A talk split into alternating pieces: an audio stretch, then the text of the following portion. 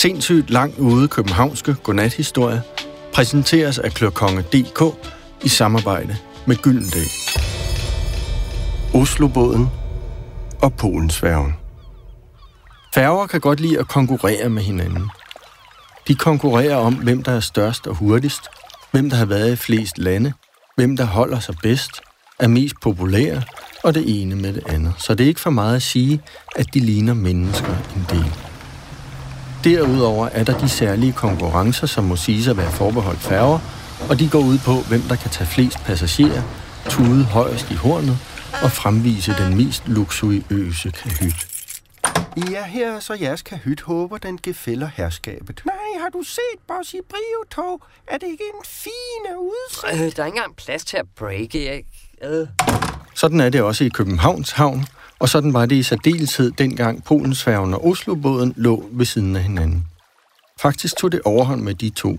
Smådrillerierne gik over i deciderede mobberier, og inden man så sig om, var de ligefrem blevet arve fjender, hvilket ellers ikke er almindeligt blandt søens farenes venner.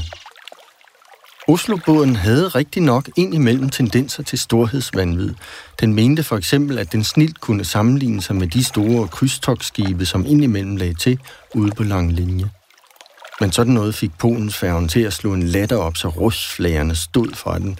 Den mente, at der var himmelvid forskel på disse flydende, oceangående hoteller, og så sådan en snollet jolle fra DFDS, der jo bare sejlede lidt rutefart hen over Kattegat.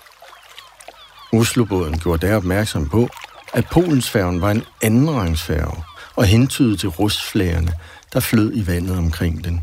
Se det i øjnene, sagde Oslobåden og vendte de røgfarvede ruder til den. Der er forskel på færger. Ha! udbrød Polensfærgen. Har du nogensinde tænkt over, at der nok er en grund til, at man kalder dig for Oslobåden, og alle vi andre for færger? Oslobåden blev sig fornærmet over denne respektløshed, som kun en fin færge kan blive det. Og det fik selvfølgelig Polensfærgen til at skrue endnu mere op for drillerierne. Oslobåden forsøgte på alle mulige måder at få hævn. Da Oslobåden en dag stævnede ud af Københavns Havn, lød det over højtaleranlægget, at passagererne jo for det første skulle være så hjertelig velkomne ombord, og at man på bagbords side netop nu kan se den sundhedsskadelige Polens båd, Østersøens svar på Titanic. Et ynkeligt forsøg på at få et stykke af jerntæppet til at flyde, og her har vi så den lille havfrue, og hvis vi lader blikket glide... Kaptajnen undrede sig noget over, at højtaleranlægget sådan kunne gå i gang af sig selv, og forlangte det undersøgt. Matroserne for afsted med alle mulige måleinstrumenter og lommelygter, så de kunne lyse ind i kæmpe bådens mørke kroge, men de kunne ikke finde ud af, hvad der var galt. Det er der ikke noget at sige til, for stolthed er jo ikke noget, man sådan kan måle sig frem til på den måde. Polensfærgen var ikke sen til at tage til genmæle. Når den stævnede ud før Oslobåden, kunne den finde på at sige over højtaleranlægget, at man for det første var hjertelig velkommen ombord, og at man på styrbords side netop nu kan se Oslojollen vente på afgang. Sådan noget fik Oslobåden til at tude i hornet. For at overdøve fornærmelsen, og passagererne på begge skuder fik kaffen galt i halsen. Så, Spændå, det er altså grimt at se på, det der. Åh, herre, mand. Prøv lige at tjekke onkel Svog. Han er helt blå i ægget, mand. Så, Bossy Brio-tog, spis din kage og tag kasketten af. Så mens kaptajnerne endnu engang iværksatte undersøgelser af de mærkelige højtaleranlæg og skibshorn, der indimellem gik i gang af sig selv, så skulede de store færger eller både, eller hvad vi skal kalde dem, efter hinanden. Utrolig nok lykkedes det ind imellem Polensfærgen at vrikke overlænt med agterstavnen på vejen ud, hvilket fik Oslobådens skorsten til at gløde. Så undersøgte matroserne også det, men heller ikke denne gang kunne man finde nogen tekniske fejl. Da man havde iværksat den ene undersøgelse efter den anden, gik det til sidst op for kaptajnerne, hvad der var galt, og derfor indkaldte man til møde. Man lagde Polensfærgen og Oslobåden ved siden af hinanden. Man bandt dem simpelthen sammen med trosser inde i Københavns Havn. Så kunne de ligge der og snakke sagerne igennem.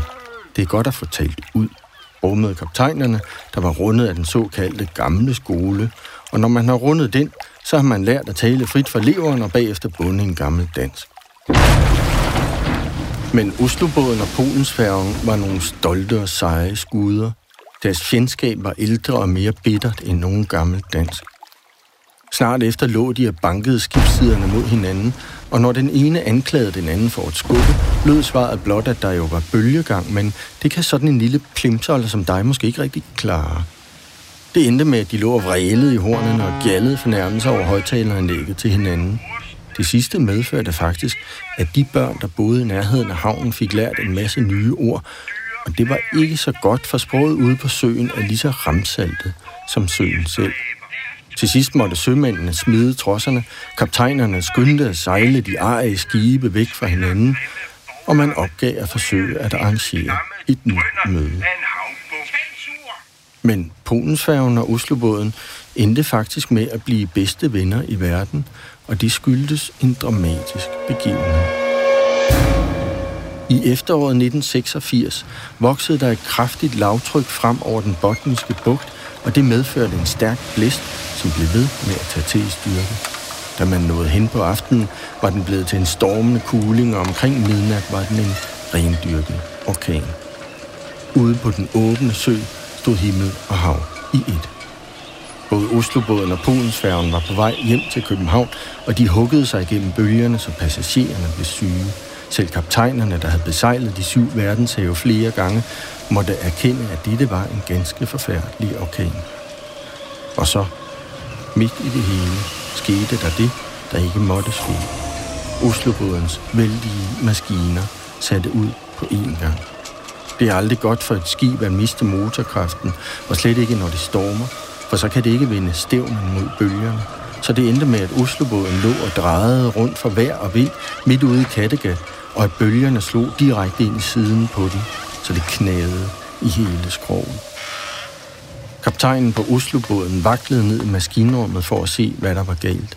Maskinmesteren knoklede rundt dernede, men han kunne ikke få gang i motorerne. De hostede og harkede hver gang han gjorde forsøget, men mere blev det ikke til. Så gjorde kaptajnen det, enhver kaptajn frygter at skulle gøre, især hvis han har tusinde passagerer ombord. Han udsendte et SOS over radioen. Mayday, mayday! Oslobåden har fået motorstop. Anmoder om øjeblikkelig assistance. Mayday, mayday!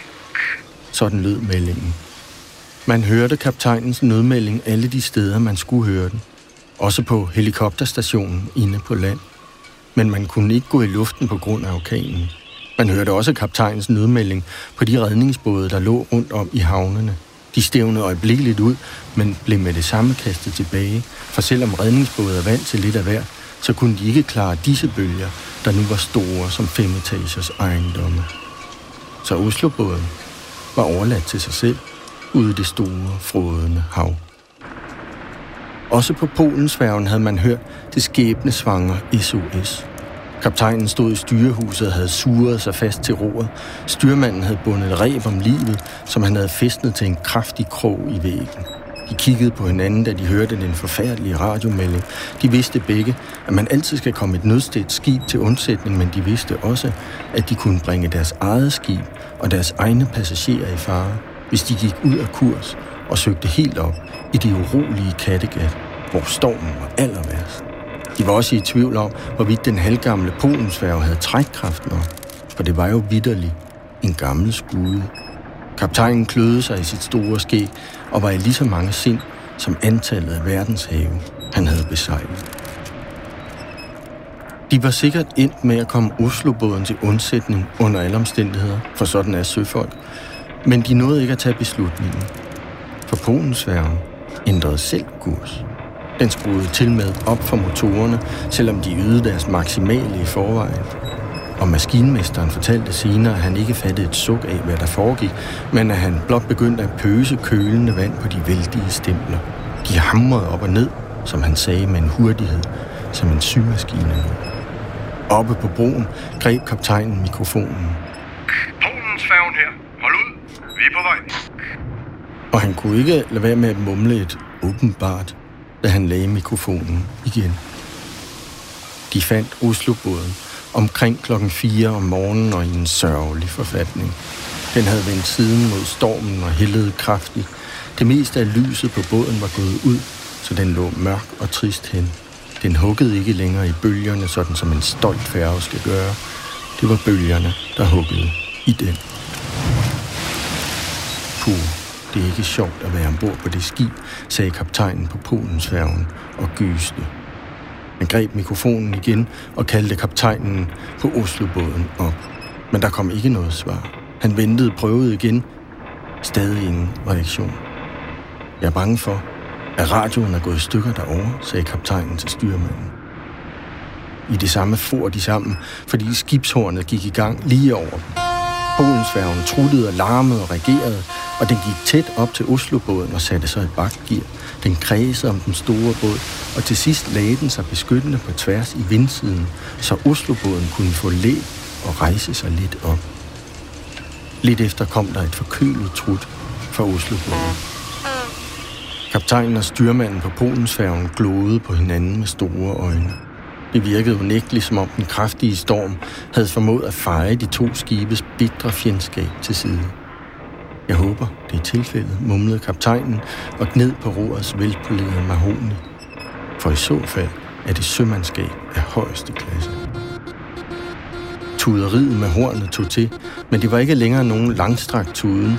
Det var lange serier af ujævne stød, og styrmanden nåede at tænke, at det lød som om deres eget skib havde fået åndenød af den anstrengende tur. Men pludselig kunne han høre, hvad det var. Det er jo morsesignaler, råbte han. Han nåede kun at afkode den sidste bid af den sidste sætning, der lød Vand i generatoren gamle jæs, brug pumpen. Imens lagde Polensfærgen så faretruende langt ned på siden, så langt at de skræmte passagerer nede i kafeteriet næsten kunne gå på ruderne. Og så, pludselig, kom der liv i Oslobåden. Først blev lyset tændt agterude, som midtskibs, og til sidst var der lys på hele båden. Det var ganske vist et uroligt og svagt lys, nærmest som en petroleumslampe, men lidt efter fik det mere styrke, og i det samme blev de store projektører oppe på øverste dæk tændt med et drøn.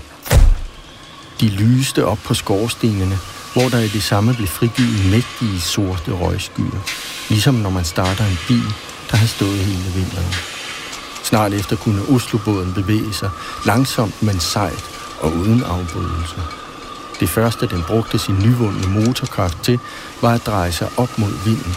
Den havde genvundet kontrollen, og lidt efter gav den en lang og øredøvende tuden fra sig. Og så knæsede radioen på Polensværgen. Oslobåden her. Vi takker for indsats. Kaptajnerne overtog derefter styringen af deres trætte og hårdt prøvede skibe og fuldtes ad til København. De nåede byen tidlig morgen, og der stod mængder af københavnere på kajen for at tage imod dem, for beretningerne om deres kamp ude på havet havde for længst spredt sig.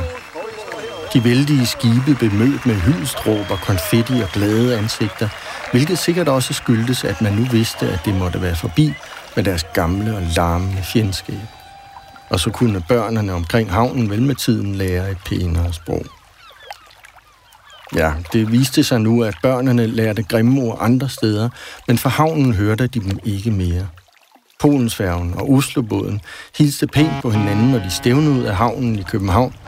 De nævnte aldrig stormen og oplevelsen ude på Kattegat med et ord, for sådan noget er svært at tale om. Især når man er et par stolte færger, eller både, eller hvem man nu er. Sindssygt langt ude københavnske godnathistorier er skrevet og indtalt af Boris Bold Johansen med lyd og teknik af Bossy Bo i samarbejde med Gyldendal. Husk, at du nu kan købe klokongebøger hos din boghandler. De er i hardback og er fyldt med funky tegninger.